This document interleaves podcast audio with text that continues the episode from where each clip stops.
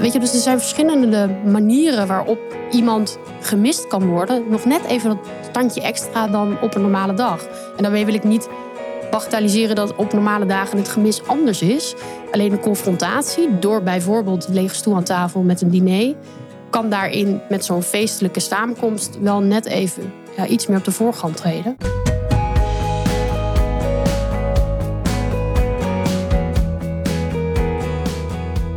Je partner overlijdt. Hoe ga jij verder in je eentje? In mijn podcast Widow Talk interview ik weduwen en weduwnaars. We praten over alle facetten van ons verlies, de effecten daarvan en hoe we het leven weer op kunnen, nee, moeten pakken. Ook spreken we met bedrijven en andere experts die nabestaanden helpen hun leven weer op orde te krijgen. Met Widow Talk lever ik support voor jou na het verlies van je partner. Welkom, fijn dat je luistert.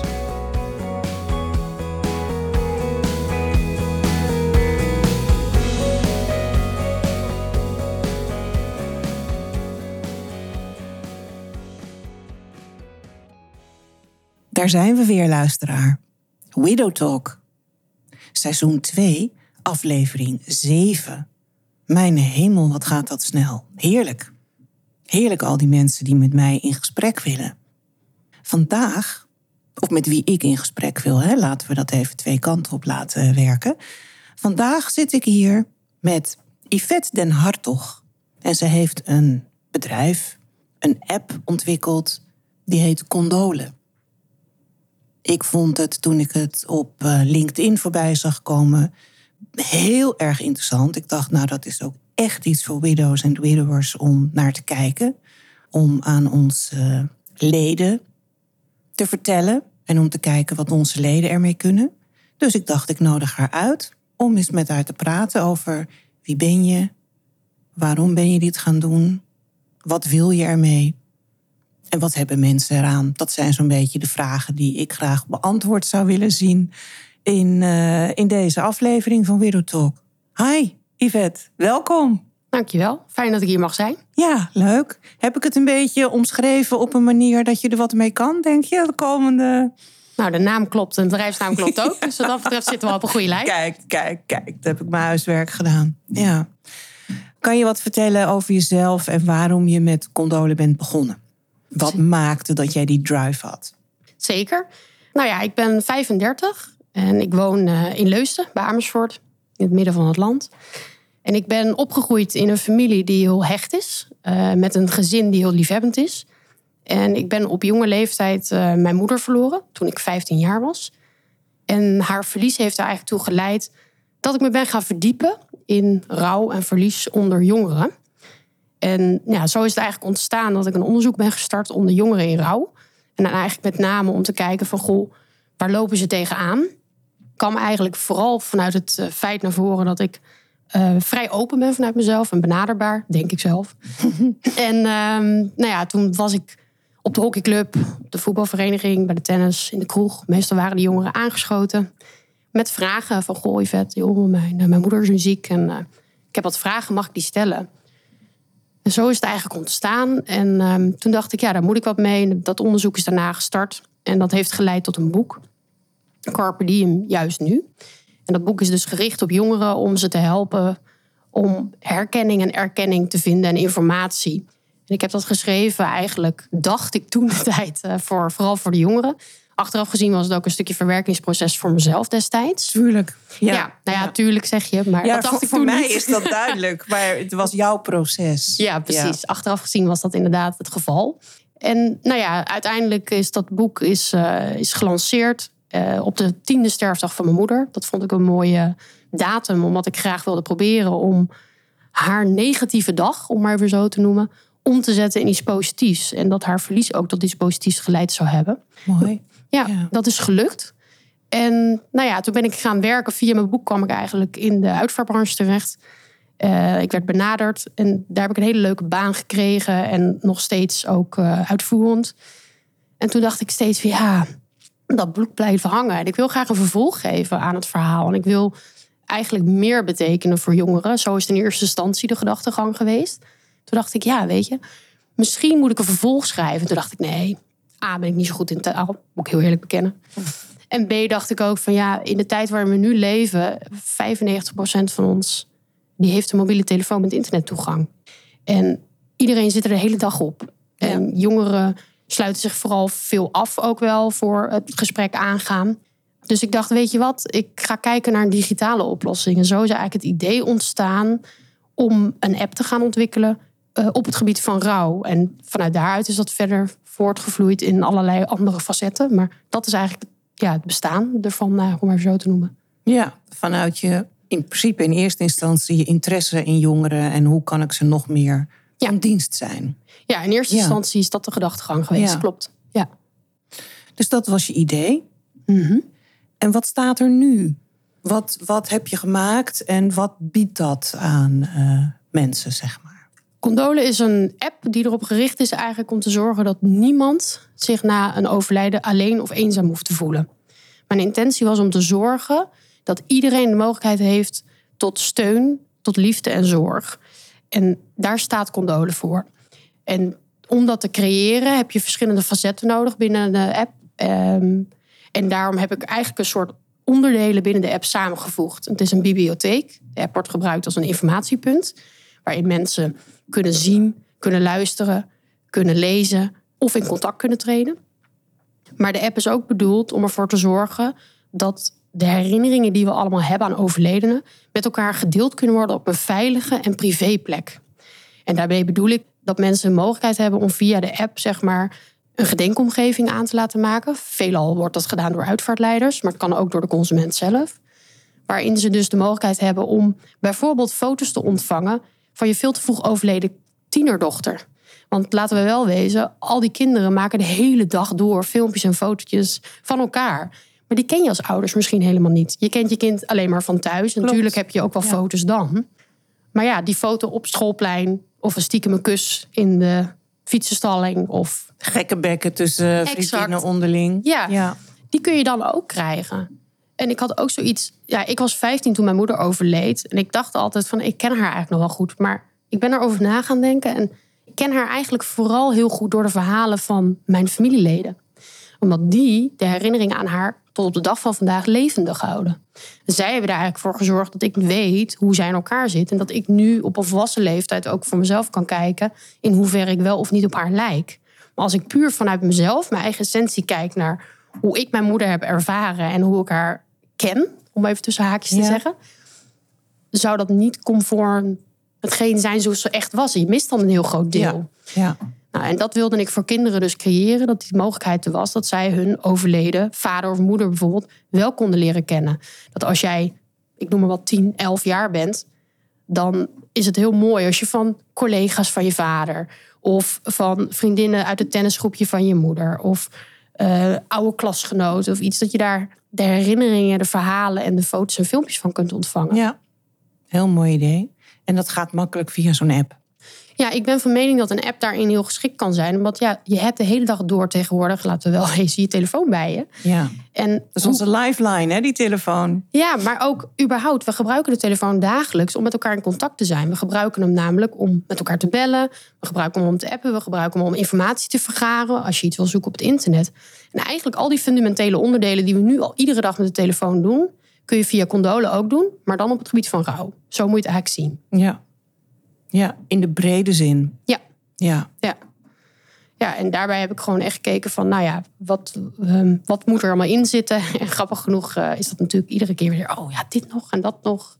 Dus dat ontwikkelt zichzelf dat, wel. blijft zichzelf ontwikkelen. Zeker. Ja, want je zegt enerzijds is het een bibliotheek. Hè? Kan je daar iets meer vertellen wat je daaronder verstaat? Ja, um, ik vind het belangrijk dat iedereen rouwt op zijn of haar eigen manier. Dat weten we inmiddels wel. Ja. Daar is geen, uh, daar is geen leidraad voor. Je gaat door een handleiding fases, voor. maar hoe? Hoe en of ze terugkomen. En, en hoe lang? Ja, en dat je bijvoorbeeld ook weer terugkomt in hetzelfde facet als dat je al hebt ervaren. Weet je, dat, dat, dat kan voorkomen. Absoluut. Ja. En ik had alleen zoiets dat iedereen rouwt op zijn of haar eigen manier. En de ene keer heb je misschien heel erg behoefte om voor jezelf te rouwen. De andere keer heb je misschien behoefte om vanuit je directe omgeving steun te ervaren. En weer een andere keer heb je eigenlijk wel behoefte aan steun, maar wil je niemand ermee belasten? Of schaam je je ervoor, of het kan niet, omdat je gewoon weg niet die directe vangnet om je heen hebt. Ja. En dan heb je weer juist die professionele ondersteuning. Nou, en die drie onderdelen komen samen ook in de app. Eigenlijk werkt het als volgt. Stel, iemand overlijdt. Dan uh, wordt Condole bijvoorbeeld ingezet als een condoleanceregister. Daar start het dan mee. En vervolgens krijgt je via de app krijgen mensen uit de omgeving bijvoorbeeld meldingen. Meldingen vijf dagen bijvoorbeeld voor de sterfdag van je partner.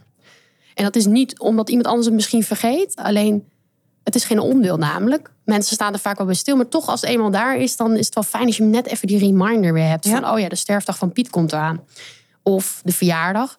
Of zoals bijvoorbeeld december is voor veel mensen in rouw een confronterende maand. Het is een hele lastige maand met al die verplichte familiefeestdagen. Ja, en Ook, maar ook gewoon überhaupt confronterend, omdat het is een feestdag. Dus die ene stoel is leeg aan tafel. Ja. En iemand die misschien altijd uh, de kalkoen aansneed uh, bij bijvoorbeeld uh, Thanksgiving. Die is er niet meer. Nee. En um, weet je, dus er zijn verschillende manieren waarop iemand gemist kan worden. Nog net even dat standje extra dan op een normale dag. En daarmee wil ik niet bagatelliseren dat op normale dagen het gemis anders is.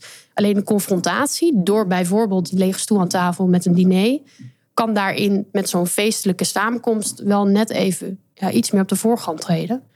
En daarom zorgt de app dus ook ervoor dat mensen reminders krijgen. Daar hoeft men niks mee te doen. Ik hoop stiekem dat iemand denkt: oh, ik ga even langs. Of ik uh, bel even. Of ze kunnen vanuit de app eventueel een kaartje sturen of een troostdoosje. Want er zit een webshop aan verbonden. Dus daarin probeer ik ook op die manier te zorgen voor de verbinding. En tot slot is het ook zo dat vanuit de directe omgeving, zeg maar de ondersteuning, kan ook bijvoorbeeld in de eerste week heel fijn zijn. Om een voorbeeld te noemen. Stel er is een jong gezin en je bent je partner verloren. En misschien luister jij nu wel en ben je net je partner verloren en heb je twee jonge kinderen. Dan kan ik me voorstellen dat het heel lastig is om alle zeilen bij te zetten om het gezinsleven draaiende te houden. Ja. Dan kan het heel fijn zijn als jouw buurvrouw aanbiedt om voor jou boodschappen te doen. Bijvoorbeeld omdat je geen zin hebt om even aangesproken te worden door een wildvreemde of iemand die wat verder van je afstaat in de supermarkt. Of misschien vind je het wel heel fijn als je vriendin even voor jou die was doet in die weken, omdat je kinderen toch iedere week nog naar de hockeyclub moeten of naar de voetbalvereniging. En die wasmand die wordt echt niet leger. Weet je, dus dat zijn kleine dingetjes, die, maar die zoveel waarde kunnen geven. En vandaar dat ik in de app ook heb ingebouwd dat mensen dus op die manier ook kunnen aangeven van joh, ik wil wel voor je boodschappen doen. Of ik wil de hond wel even voor je uitlaten. Of ik wil wel even boodschappen doen. En zo zorg je dus echt voor die verbinding uit die directe kring van familie en vrienden. En nou ja, als die omgeving er dus niet is, omdat er gewoon weg een klein netwerk is, om even zo te noemen. Ja. Of omdat mensen gewoon um, niet durven. Uh, te, uh, of niet, ja, hoe moet ik dat zeggen zonder dat het negatief klinkt? Want dat zo bedoel ik namelijk totaal niet. Maar de app zorgt er dus voor voor de directe verbinding. Maar soms kan ik me ook voorstellen dat die directe verbinding met, met de naaste lastig is. Laten we het even zo noemen. Ja. Nou, in dat geval faciliteert Condole ook. Want dan kun je via de app, zeg maar, kun je dus uh, in contact treden met lotgenoten. Want de app toont bijvoorbeeld allerlei bijeenkomsten, ook die van jullie bijvoorbeeld. Uh, waardoor mensen de gelegenheid hebben om te kijken waar in de buurt is er bijvoorbeeld een lezing of een inloopmoment voor koffie. Of waar is er een bijeenkomst, zeg maar, voor uh, hoe ga je verder in, weet je wel, met de financiële zaken. Of ja. eigenlijk alles wat je kan bedenken, een workshop, dat zit erin. En uiteindelijk, als je dan denkt van ja, weet je, ik, ik heb voor mezelf vooral meer nodig, dan kun je dus die bibliotheek in waar we het net over hadden. En dan kun je bijvoorbeeld artikelen lezen over rouw en verlies. Of je kan een gedicht lezen omdat je denkt, ik wil even dat stukje herkenning voelen. En als jij denkt van ja, maar ik ben niet echt een lezer, um, dan kun je ook luisteren. Want de app heeft dus podcast ook in de app zitten. Dus rechtstreeks vanuit de app kun je bijvoorbeeld deze podcast luisteren of andere podcasts. Ja. Je kunt muziek luisteren. Uh, sommige mensen, waaronder ik zelf, die hebben bijvoorbeeld moeite om uh, emoties in de openbaar te tonen. Dus als jij denkt, ja, ik heb echt zin om even een potje te janken, maar ik kan het niet zo goed hebben zelf. Dan kun je bijvoorbeeld de janklijst aanzetten. Zet je hem op en dan kan je gewoon even lekker van je afjanken. Tranen gegarandeerd. Nou, dat, dat durf ik niet te stellen. Maar het kan misschien wel dat setje Ja. zijn wat je net Ja. op dat moment even nodig hebt om die emoties kwijt te kunnen raken. Huilen is heel belangrijk wat dat betreft. Ja. En dat kan dus gek genoeg ook heel lekker zijn. Ja, nou, Ja. ja. en daarom zit het ook in. Maar het kan ook zijn dat je denkt, ik wil juist, ik, ik voel me opgefokt en ik wil even wat rust. Dan, dan pak je de muziek erbij, luister bij met ontspannende muziek. En dan Dus daarin kun je ook de app gebruiken om in je rouwproces op dat gebied ondersteuning te vinden. En als je dan denkt van ja, maar ik ben meer iemand die, die ook zoekt naar kijken. En bijvoorbeeld dat je denkt van ik wil daar wat meer ins en outs van weten, dan kun je via de app op basis van het type verlies wat je hebt. Dus in dit geval voor de luisteraar, de kijker, maar het kan ook zijn in dit geval voor kinderen in rouw. Als je nu op dit moment je partner bent verloren en je hebt kinderen, Ja. dan kun je ook kijken naar films, series, documentaires die daarop toegespitst zijn.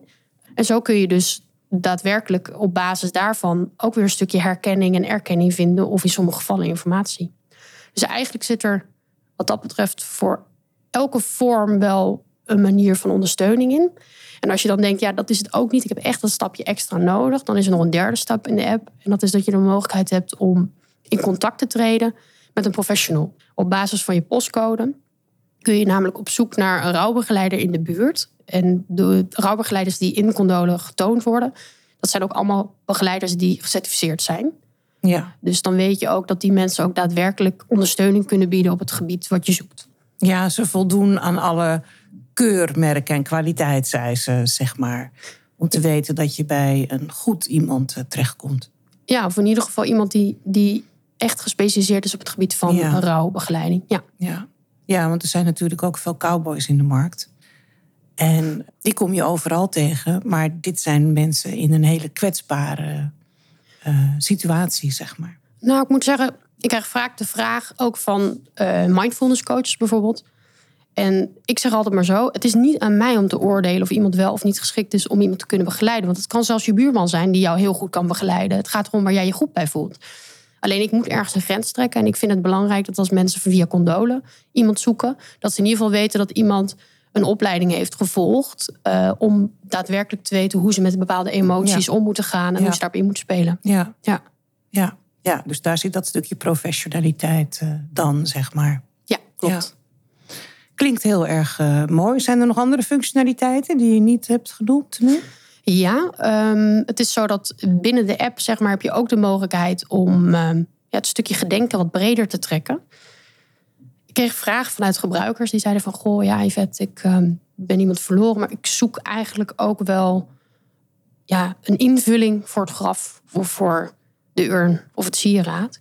Ik verkoop dat niet. Ik probeer alleen puur te laten zien wat er mogelijk is. En ik wil dat verder uitbreiden met informatie. Dat je weet van oké, als je bijvoorbeeld een grafsteen neemt van marmer, dat je rekening moet houden met het onderhoud ervan. En dat je daar geen kortentstaal bovenop moet zetten omdat je vlekken krijgt.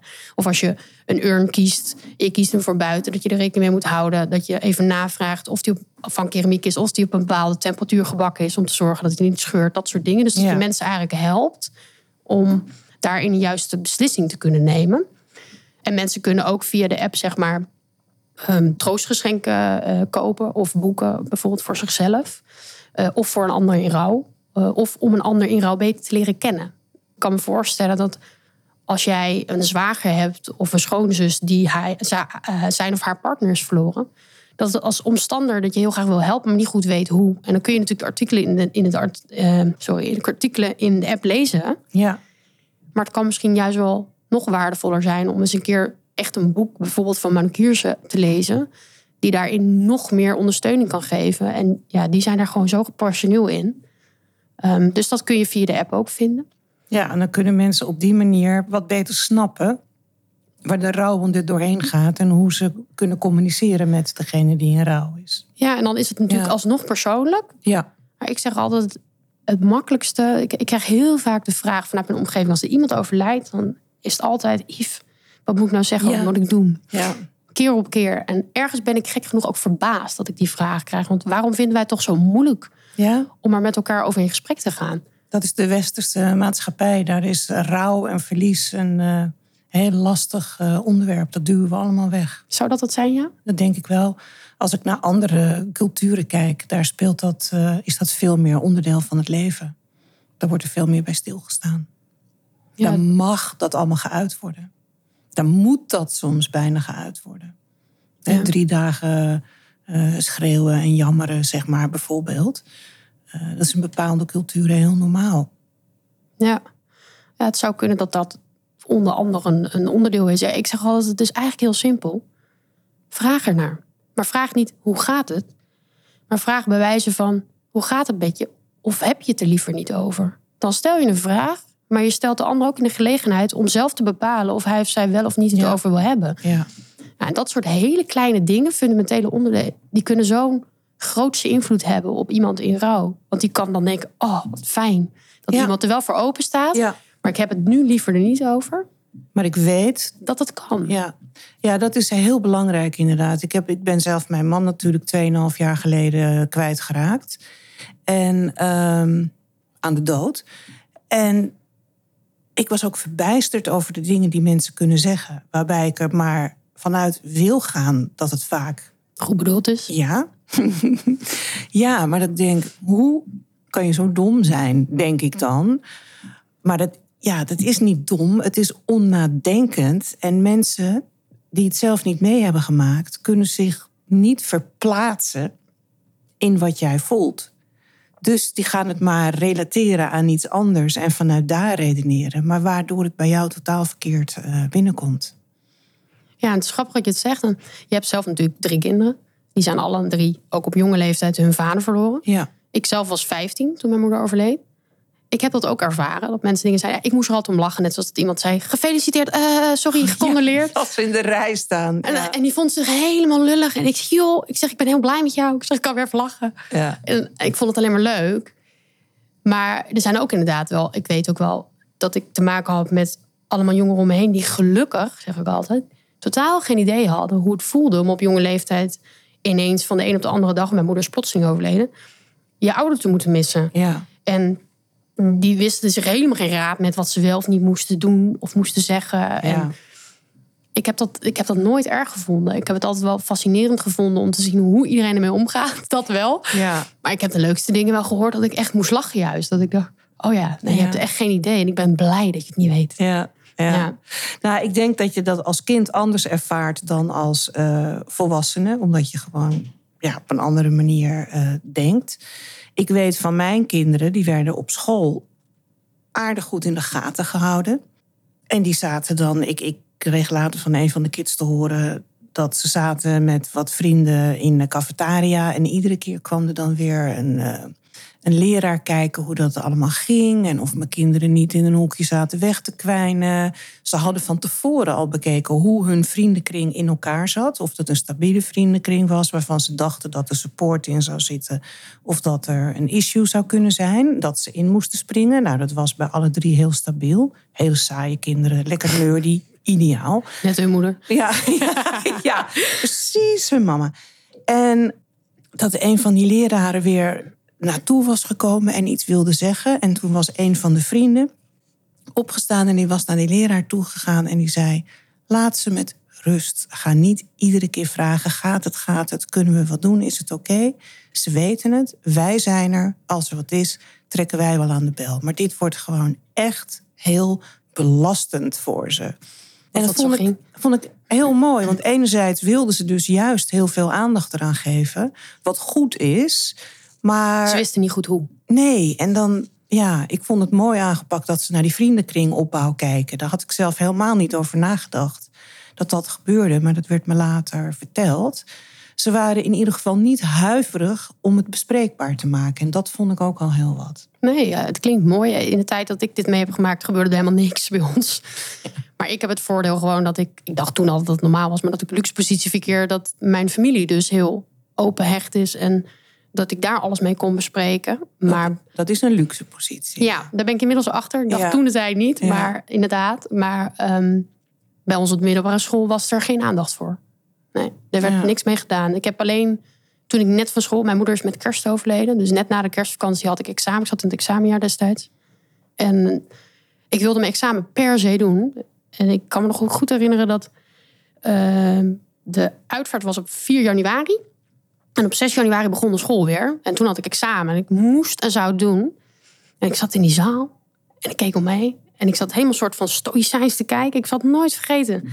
En dat er een leraar naar me toe kwam. En ik had nog niks op papier gezet. En die zei, eh, die deed zo alleen maar zijn hand op mijn schouder. En toen liep hij door. En toen ben ik daarna aan de gang gegaan. Ik heb volgens mij echt een vijf of een vier gehaald, weet ik het. Echt heel laag. Ik heb hem nooit overnieuw willen doen. Ik heb geen één toets overnieuw willen doen. Ik wilde gewoon, als ik dan zou zakken, eventueel zakken op de manier zoals ieder ander. Maar niet anders. Maar dat hij zijn hand op mijn schouder, dat was voor mij eigenlijk voldoende. Ja. Dat ik wist dat hij zoiets had van, kom op meid. En Ja. eh, ga er even voor. En ik dacht, Ja. oh ja, ik moet wel iets doen. ja. En, ehm, maar voor de rest, ik wilde per se gewoon door. Ik wilde alle toetsen doen. Ik wilde er niet eh, op school eh, mee bezig. Of ik wilde niet zielig gevonden worden. Of dat soort dingen. Ja. Ja, dat zie je bij kinderen denk ik wel. Nou, tenminste, ik kan alleen maar vanuit mijn eigen kinderen redeneren. Bij mijn kinderen zag ik dat ook heel duidelijk. Mijn jongens zaten in hun eindexamenjaar. En die wilden heel graag doorgaan met eh, goede cijfers halen. En ik weet- Herkenbaar. ja, en ik weet nog, ehm, weet ik nog heel goed. Philip ging dood. We, we moesten de stekker eruit trekken, omdat hij was niet bijgekomen na een open hartoperatie. Hadden ze hem nog in leven gehouden. Ja, ik betwijfel of je dat in leven houden kan noemen. Maar via een externe ha- hart-longmachine eh, was hij er dan, zogenaamd, nog. En, maar dat ging niet goed. Dus hij moest echt, eh, dat lichaam was gewoon aan het eh, afbouwen. Dus er moet de stekker eruit. Nou, dat is een heel emotioneel gebeuren. En daarna mochten we in de rouwkamer gaan zitten, of in de familiekamer gaan zitten. En was het, nou mevrouw, ja, vreselijk gecondoleerd. En eh, ehm, ja, ik zeg, ja, wat, wat, wat, wat doe ik nu? Ja, nu, nu mag u nog even hier zitten, maar we hebben de kamer over een uur wel weer nodig. Herkenbaar. Oké. En nu moet u een begrafenisondernemer gaan uitzoeken waar u zich prettig bij voelt. Tuurlijk, tuurlijk, ja. En dus ik zat daar met wat familieleden en vriendinnen en mijn kinderen. En op een gegeven moment zeiden we, ja, nou laten we maar naar huis gaan. Naar ons huis. Ja, zei een van mijn zonen, ik wil nog wel even langs school, want ik wil nog mijn boeken uit mijn, lokker halen. Eh, dus ik dacht, serieus? Serieus? Moet jij nu naar school? En een vriendin van mij, die zag mij al en die zei... Oh, nou, maar dat, Marianne, dat ga ik regelen. Ik ga eventjes met hem naar school. Tegen de andere kinderen, willen jullie ook nog dingen uit je kluisjes halen? Want dan is nu je kans, dan rijden we even, even langs. Maar ik dacht, hoe kan hij daar nou mee bezig zijn? Maar voor hun was dat echt een, eh, een kracht en een motivatie. Wij, wij, wij laten niet alles vallen. Wij gaan door. En hier kunnen we ons nog in vastbijten. En ze hebben echt fantastische examens gedaan. En ik maar denken van hoe kan dit? En ze negeren het. Maar ieder doet het op zijn eigen manier. En kinderen kunnen heel goed compartimentaliseren natuurlijk. Dus eh, ja, misschien dat ze er later nog een keer eh, op een andere manier bij stilstaan. Ongetwijfeld. Ja, Ongetwijfeld. ja. Maar heel herkenbaar dus wat jij, eh, wat jij zegt. Nou ja, ik vind het vooral mooi dat jij benoemt dat de school waar jouw kinderen op gezeten hebben, op een juiste manier hebben in ieder geval getracht aan te pakken. Ja. En dat ze zich hebben verdiept inderdaad in de omgeving van de jongeren. Ja, Maar ook in de jongeren zelf zijn blijven investeren.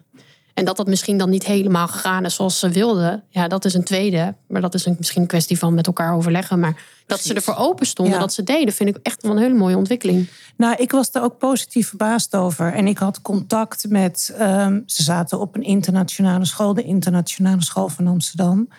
Met de. Ik had contact met de head of the upper school, of de assistant head, ik weet niet precies. Maar een man waar ik ook goed mee kon praten. En die wist, die had ik al geïnformeerd van... Philip ligt in het ziekenhuis, het moet een open hartoperatie, het is spannend.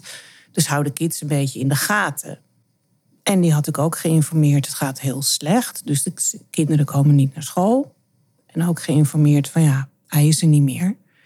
En eh, Jacob wil per se dingen uit zijn uit zijn lokker halen. Ik vind het een beetje overdreven, maar dit is zijn keus. Hij Ik vind het heeft wel mooi eigenlijk. Ja, dit is zijn keus. Hij heeft dit nodig. Dus eh, hij wordt gebracht door een, eh, door een vriendin van mij. En hij stond te wachten bij de poort. Oh, mooi. Ja, hij stond te wachten bij de slagboom. Hij heeft Jacob welkom geheten. En eh, is met hem meegenomen naar zijn lokker, spullen gehaald. En, en weer terug. En wat hij toen zei, dat is me altijd bijgebleven. Hij zei later tegen mij van... De laatste keer dat ik hem zag, was het gewoon een jongen van 17. En ik word er gewoon emotioneel van zelf nu. Maar toen ik hem daar zag, na het overlijden, stond daar opeens een jonge man. Ja, het had En een hele, dat- hele korte periode veranderd. Ja, Mooi. ja. Nou zeg, ik breng altijd andere mensen aan het huilen in mijn podcast. Nu krijg ik zelf tranen in mijn ogen. Maar ehm, dat is natuurlijk omdat je ziet wat het met je kind doet. Met jezelf ook, maar goed, dat weet je. Met je kind is een ander verhaal.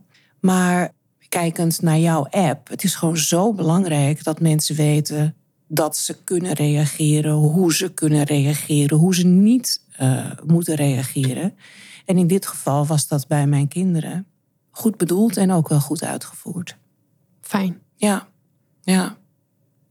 Als je nou naar jouw app kijkt, hoe krijg je die app? Hoe kom je eraan? Hoe kom je er vanaf als je er klaar mee bent? Hè? Dat is ook een, een vraag. Is het voor consumenten? Is het voor bedrijven? Want je noemde daar straks iets over uitvaartorganisaties. Kan je daar wat over vertellen? Ja, eigenlijk is het heel ruim. Eh Condole is een gratis app. Dus als iemand nu naar de App Store gaat of naar de Google Play Store dan, en dan Condole intoetst, dan zie je als het goed is het resultaat van mijn app. Die kun je downloaden. En het is gewoon een veilige gratis app die je op je telefoon kan zetten. En eigenlijk kun je dan de app gewoon gaan gebruiken, zeg maar, om de informatie of troost te vinden die je misschien op dat moment ook zoekt. Voor jezelf, het zij voor een ander. Ehm, dus voor de consument, voor iedereen, eh, is het beschikbaar. En ik zeg even consument om het even breed te trekken. Ja, ja. Omdat het is namelijk gericht op nabestaanden, maar ook op de naaste van de nabestaanden. Juist, Omdat ja. wat we net eigenlijk al besproken eh, hebben, zeg maar, in, in die zin dat als ik voor een vriendin ervoor wil zijn, kun je ook informatie uit de app halen. Ja. Omdat er ook afgestemd op het type verlies van een vriend of een vriendin. Of voor, weet je, dat je inzicht krijgt in hoe een ander dat mogelijk zou kunnen ervaren. Dus het is voor iedereen die te maken heeft, vroeg of laat hebben we er allemaal mee te maken, met een overlijden. Eh, en dat kan kort geleden zijn, maar dat kan ook langer geleden zijn. Ja. ja, je kan tien jaar na dato er ook nog last van hebben. Ja, Ja. ja. en, en gek genoeg, mijn moeder is dan al twintig jaar geleden overleden. Deze kerst was dat twintig jaar geleden. Ehm, en ik kan heel prima functioneren. Maar ook ik heb echt wel af en toe nog steeds momenten dat ik denk, oh ja. En zoals ik heb geen kinderen, maar ik kan me ook voorstellen als ik ooit eh, moeder zou worden, dat dat ook weer een nieuwe fase is in je leven, wat ook weer de nodige emoties en Ja. eh, ja, herinneringen met zich mee gaat brengen. Dus in die zin, kijk, we zeggen heel vaak rouw verwerken. En in onze branche zeggen we dat dat niet bestaat, het verwerken, omdat het geen afval is, wat je dan vaak Exact. leest. Rouw verwerken mag je niet zeggen. Nee, Dat mag heb ik niet ook noemen. Geleerd. Moet ik eerlijk Ja. zeggen dat ik in de app wel een onderdeel heb. Dat heet rouwverwerking. Rouwverwerking. Excuses voor iedereen alvast. Maar je mag ook niet zeggen rouw een plek geven. Want waar zit het dan? In je grote teen of in je pinknagel? Dus dat hoor ik ook vaak terug. Nou, als je pijn hebt in je grote teen, denk ik dat het op dat moment in je teen zit. Maar nee, maar om even zonder gekkigheid. Ik denk dat, ehm, dat het vooral heel belangrijk is, is dat ehm, als je te maken hebt met rouw, dan kan het op allerlei momenten opspelen. Dus de app kun je gebruiken direct na overlijden. Maar het kan dus ook zijn dat je tien jaar geleden je partner bent verloren. Of je vader, je moeder, je zusje, je broertje of wie dan ook. En dat je op dat moment even je naar voelt. Of dat je even zoiets hebt van... Ik zou wel even wat willen weten hoe een ander het ervaart. Dan open je de app, dan open je bijvoorbeeld de ervaringsverhalen. En dan lees je hoe een ander het heeft ervaren. Wat mogelijk tot troost kan leiden. Dus het is niet zozeer dat, dat je de app in een bepaalde periode gebruikt. Het is gewoon eigenlijk voor iedereen toegankelijk op het moment dat je de behoefte toevoelt. Ja. Het enige verschil is dat eh, de app natuurlijk ook gebruikt wordt door uitvaartleiders, wat ik net al even schetste. Omdat uitvaartleiders de app direct na overlijden gebruiken om als start als een condoleanceregister. En eh, voor het ontvangen van de herinneringen en de verhalen. Nou, en als het daarvoor ingezet wordt, je hebt een code ontvangen dan als genodigde op de rouwkaart. Vaak staat er dan op de rouwkaart van: Goh, we ontvangen graag je herinneringen aan Piet. eh, via de, via de Condole-app, download de app gratis en dan krijg je een code. En die voeren mensen dan in. Nou, die omgeving, die is beschikbaar zolang als dat de nabestaanden hem open laten staan. Ja. Dus dat kan zijn dat iemand hem een jaar open heeft. Dat heb ik al meegemaakt. Het kan ook zijn dat iemand hem twee jaar open heeft. Het kan ook zijn dat iemand hem over vijf jaar nog steeds open heeft staan. Dat is niet aan mij. Dat is aan de nabestaanden om hem te laten bestaan, zolang als ze dat wensen. ja. Het herinneringsdeel, zeg maar. Ja, het Ja. herinnerings- en troostonderdeel, zeg maar. Dat is dus, Ja. dus die is, die is dus wel gekoppeld aan een tijdsbestek, om maar even zo te noemen. Maar dat tijdsbestek wordt niet door mij bepaald. Maar dat wordt dan dus door de nabestaanden bepaalt. Maar alle onderdelen in de app, zoals wat we net benoemden van de bibliotheekonderdelen, om even zo uh, Ja. te, on- te verdelen, zeg maar. Die zijn altijd en voor iedereen toegankelijk. Dus dat is eh, aan, aan, ja, aan degene die hem downloadt. Ja, ja.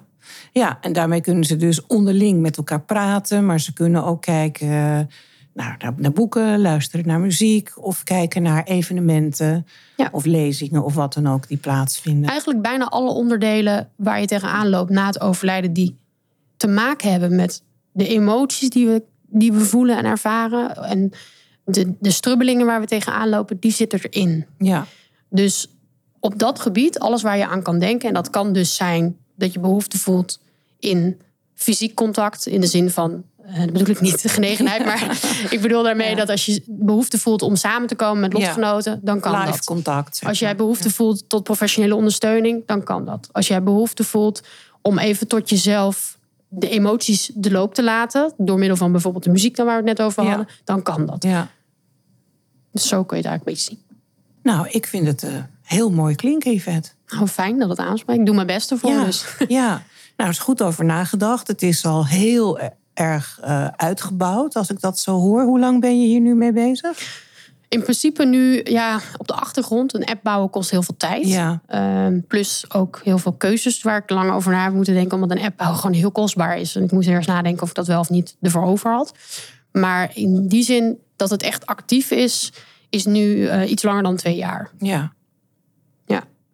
En dan merk je ook dat er in de loop van de tijd steeds toch weer een functionaliteit bij komt. Nou ja, het probleem bij mij is dat de dingen zijn nooit goed genoeg.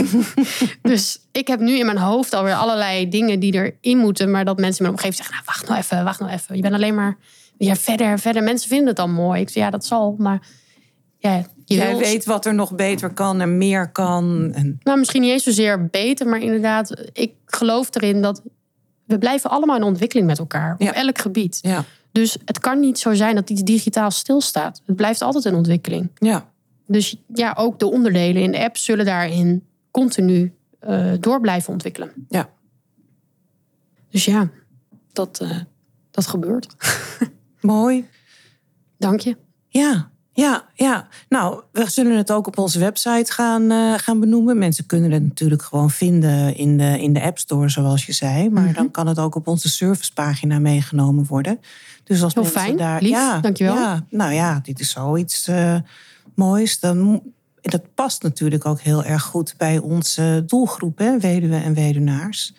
En wat ik er ook heel mooi aan vind, is dat je de naasten meeneemt. Om daar ook een stukje nou ja, opvoeding, hè, dat klinkt een beetje betuttelend, maar ja, lering te brengen voor de mensen die daarvoor openstaan. Hè, die, dat, die dat willen, die zich echt willen verdiepen in hoe kan ik mijn zus, mijn moeder, mijn vriendin, mijn tante, mijn oom eh, begeleiden in dit verlies. En hoe kan ik er op de juiste manier zijn? Als meer mensen dat zouden doen, dan eh, zou het leven voor degene die met verlies leeft alweer een stukje aangenamer worden, denk ik. Dat weet ik al zeker. Ja, ja. Ja. Is er nog iets wat ik niet gevraagd heb, waarvan je zegt, nou, dat wil ik eigenlijk nog even toevoegen? Dat moeten de luisteraars van eh, Widow Talk ook weten. Goeie vraag. Ik denk dat ik wel benoemd heb waar het voor staat. En ik, ik zou eigenlijk gewoon willen zeggen van... Goh, mocht het je aanspreken of voor jezelf... het zij voor iemand in je directe omgeving... waarvan je denkt van... hé, hey, daar zou het wat voor kunnen zijn. Download de app gewoon gerust. Ehm, nogmaals, hij is gewoon gratis beschikbaar in de App Store. En laten we gewoon proberen om wat meer naar elkaar om te kijken vooral. En niet alleen in tijden van verlies, maar überhaupt natuurlijk. Maar in tijden van verlies misschien wel net even dat stapje extra. Want op het moment dat jij als omgeving denkt... dat iemand weer naar school gaat of naar het werk gaat... het gaat wel weer. Dat zijn juist vaak de momenten dat mensen het eigenlijk wel prettig vinden... als ze af en toe vanuit de omgeving wel iets horen of vernemen. En ik denk dat het belangrijk is met elkaar dat we daar ons bewust van zijn. Omdat in die eerste week na het overlijden, dan weet iedereen wel dat het moeilijk is. En dan is die uitvaartondernemer er. In de tweede week van overlijden moet misschien een huis leeggehaald worden. En de komende weken erop moet je misschien wel verhuizen of allerlei andere zaken die geregeld dienen te worden. Maar als je drie, vier maanden verder bent, dan pas is eigenlijk die echte rouw voelbaar. Omdat de zakelijke kant is dan afgerond. En iedereen herpakt zijn leven weer zo ver mogelijk. Kinderen gaan weer naar school. En die aandacht uit de omgeving valt dan wat weg. En daar probeer ik met Condole dus de invulling op te geven. Ja. En als er dan iets is wat ik nu nog in de laatste slot even mee zou willen geven, is het probeer daar ook alert op te zijn. En wees je bewust van het feit dat als jij denkt dat iemand weer naar school gaat of aan het werk is, dat het juist heel moeilijke periode op de achtergrond kan zijn. En door die simpele vraag te stellen die we net al benoemd hebben, maar ik herhaal hem toch nog even. Hoe gaat het met je? Of heb je het er liever niet over? Maak je al een wezenlijk verschil. Ja, hele mooie toevoeging. En uh, heel waar ook. Nou, jij weet het natuurlijk uit jouw ervaring en ik weet het uit mijn ervaring. Na een tijdje gaat voor iedereen het leven weer door. Zeker. En uh, jouw leven ook. Maar jij leeft dagelijks met dat uh, verlies naast je. Want die ene persoon is er niet meer. En of dat nou je man is, of je vrouw, of je, of je moeder. Er is een gat in dat gezin. En daar kan jij niet aan ontsnappen. Maar die goedbedoelende vriend of vriendin of uh, nicht, die ook heel erg met je meeleeft, die leeft er niet dagelijks mee. Want die hebben hun eigen gezin en hun eigen leven.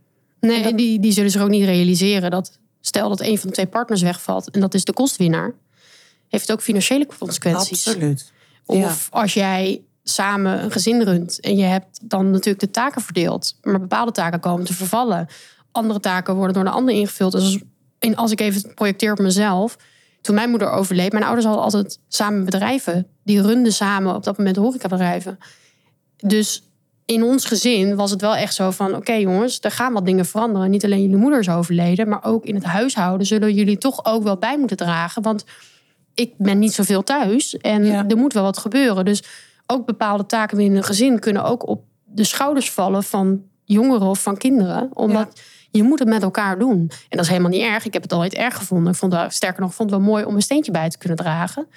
Maar ik weet daardoor ook dat het dus wel uh, voor de buitenwereld... en dan heb ik het zeker over jongeren bijvoorbeeld in, in rouw... dat vriendjes en vriendinnetjes zullen dat niet snel begrijpen. En dat hoeft ook niet. Ik heb het zelf ook nooit benoemd of uitgelegd. Dit is trouwens voor het eerst, denk ik. Maar het is wel iets wat mensen van de buitenkant niet zien... maar wat ook onderdeel is van het hele rouwverhaal. Ja. Het is niet alleen maar dat die vader of moeder is overleden... Maar dat hele gezin krijgt daarna ook nog allerlei secundaire vormen van verlies te verwerken.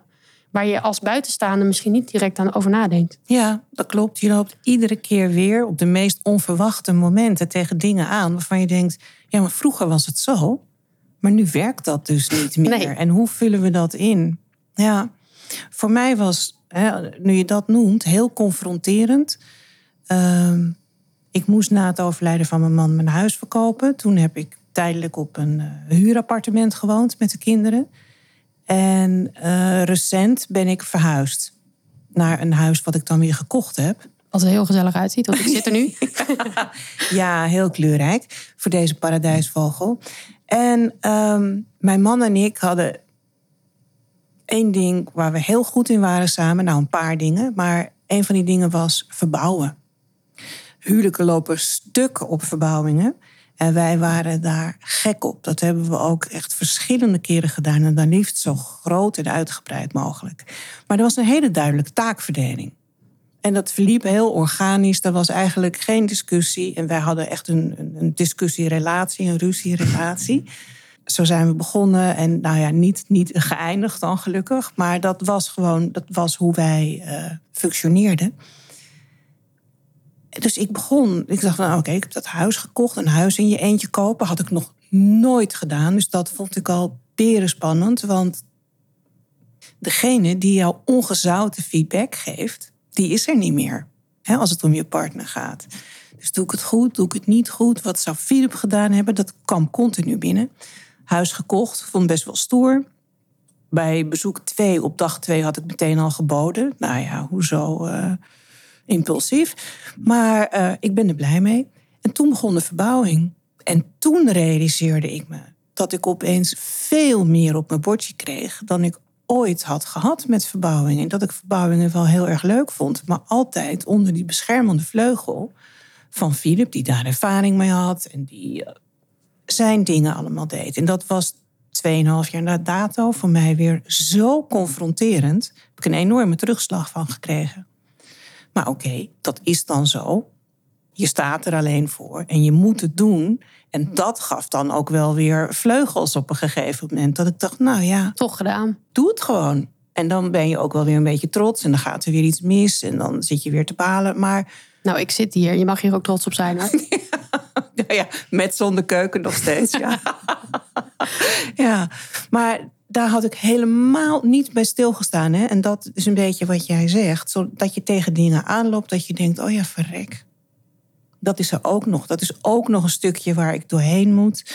Waar ik me los moet maken. Wat ik moet accepteren. en Waar ik mee om moet gaan. Ja.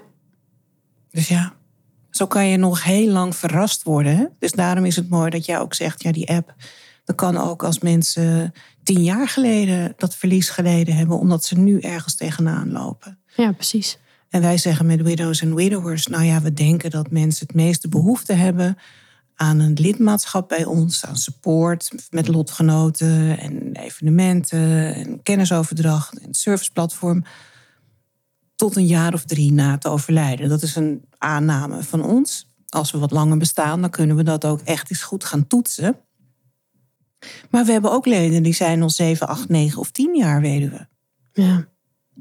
En niet omdat ze het leven niet oppakken, omdat ze weg zitten te kwijnen en eh, dit als een lifeline nodig hebben. Nee, omdat ze gewoon af en toe nog even over hun overleden partner willen kunnen praten. Dat is de mooie kant van de liefde ook, toch? Exact. Dat het altijd onderdeel blijft van Ja. je leven ook. Ja, geef het een mooie plek in je gedachten, zodat je er nog met een glimlach aan terug kan denken. En af en toe misschien nog een traan over dat verlies wat je, ja, wat je toch onrechtvaardig vindt. Of, of, of waar je af en toe nog door geraakt kan worden. Dat is alleen maar mooi, want dat is nog meer een ode aan de liefde die je tot die persoon had. En als jij met vrienden praat na zoveel jaar, oh, dan, dan is het toch van kom op, het is nu zo lang geleden. En dan moet ik toch eens hè, niet zo bij stilstaan en niet zoveel over nadenken. Dus dan is het praten met eh, lotgenoten vaak heel erg fijn. Ik eh wou je bedanken. Ik jou ook. Bedankt voor de gastvrijheid en voor de uitnodiging. Ik vond het heel leuk dat je er was. En ik, nou luisteraar, ik heb echt een heerlijke punt appeltaart gekregen van Yvette. Ik heb nog niet ontbeten. Ik heb er Dus, niet eh, omgekocht, even de zaakjes. Dus ik ga daar zo meteen, eh dan ga ik mee ontbijten. En dan is het een uur of eh, drie, denk ik. Ik weet niet hoe laat het is, maar dat maakt niet uit. Yvette, dank je wel. Ik vond het een heel fijn gesprek. Ik vind je een bijzondere jonge dame. Met heel veel daadkracht en energie. En ik vind het heel mooi hoe je dit voor elkaar hebt gekregen. Je boek, dat wist ik niet trouwens. Vind ik, al, vind ik heel interessant. Maar dit is echt een heel mooi initiatief. Ehm, mensen helpen, kijken, hè, uitgaande eerst vanuit eh, interesse naar jongeren, maar dat uiteindelijk breder trekken. Nabestaanden willen helpen, mensen met verlies willen helpen, maar ook hun naasten om ervoor te zorgen dat mensen elkaar beter begrijpen en zich minder eenzaam en niet gehoord voelen. Dat, ehm, ja, dat resoneert heel erg bij mij. En dat is natuurlijk voor een deel waarom wij ook met Widows and Widowers zijn begonnen. Dus eh, wat mij betreft een hele mooie eh, aanwinst in onze podcast Widow Talk. Dank je wel. Jij ook bedankt. Dat was het, luisteraar.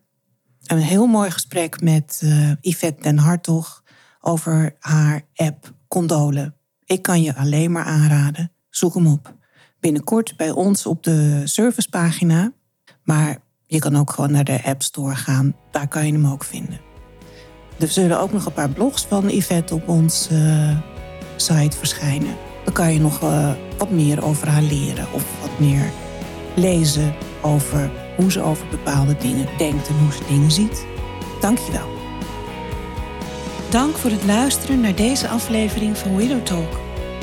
Op de website widowsandwidowers.nl, zie de link in de show notes, kan je meer informatie vinden over onze support voor nabestaanden. Daar zie je wat we met widowsandwidowers.nl allemaal doen. Onze activiteiten, blogs, shop en ook een overzicht van onze eerdere Widow Talk afleveringen. We horen graag je feedback via mail en social media. Vergeet je niet je te abonneren op Widow Talk, zodat je geen aflevering mist. Geef je ook nog even een review of een rating zometeen. We stellen het ook heel erg op prijs als je Widow Talk wil aanbevelen bij mensen waarvan jij denkt dat ze er behoefte aan kunnen hebben. Dank je wel. Stay tuned. Tot de volgende keer.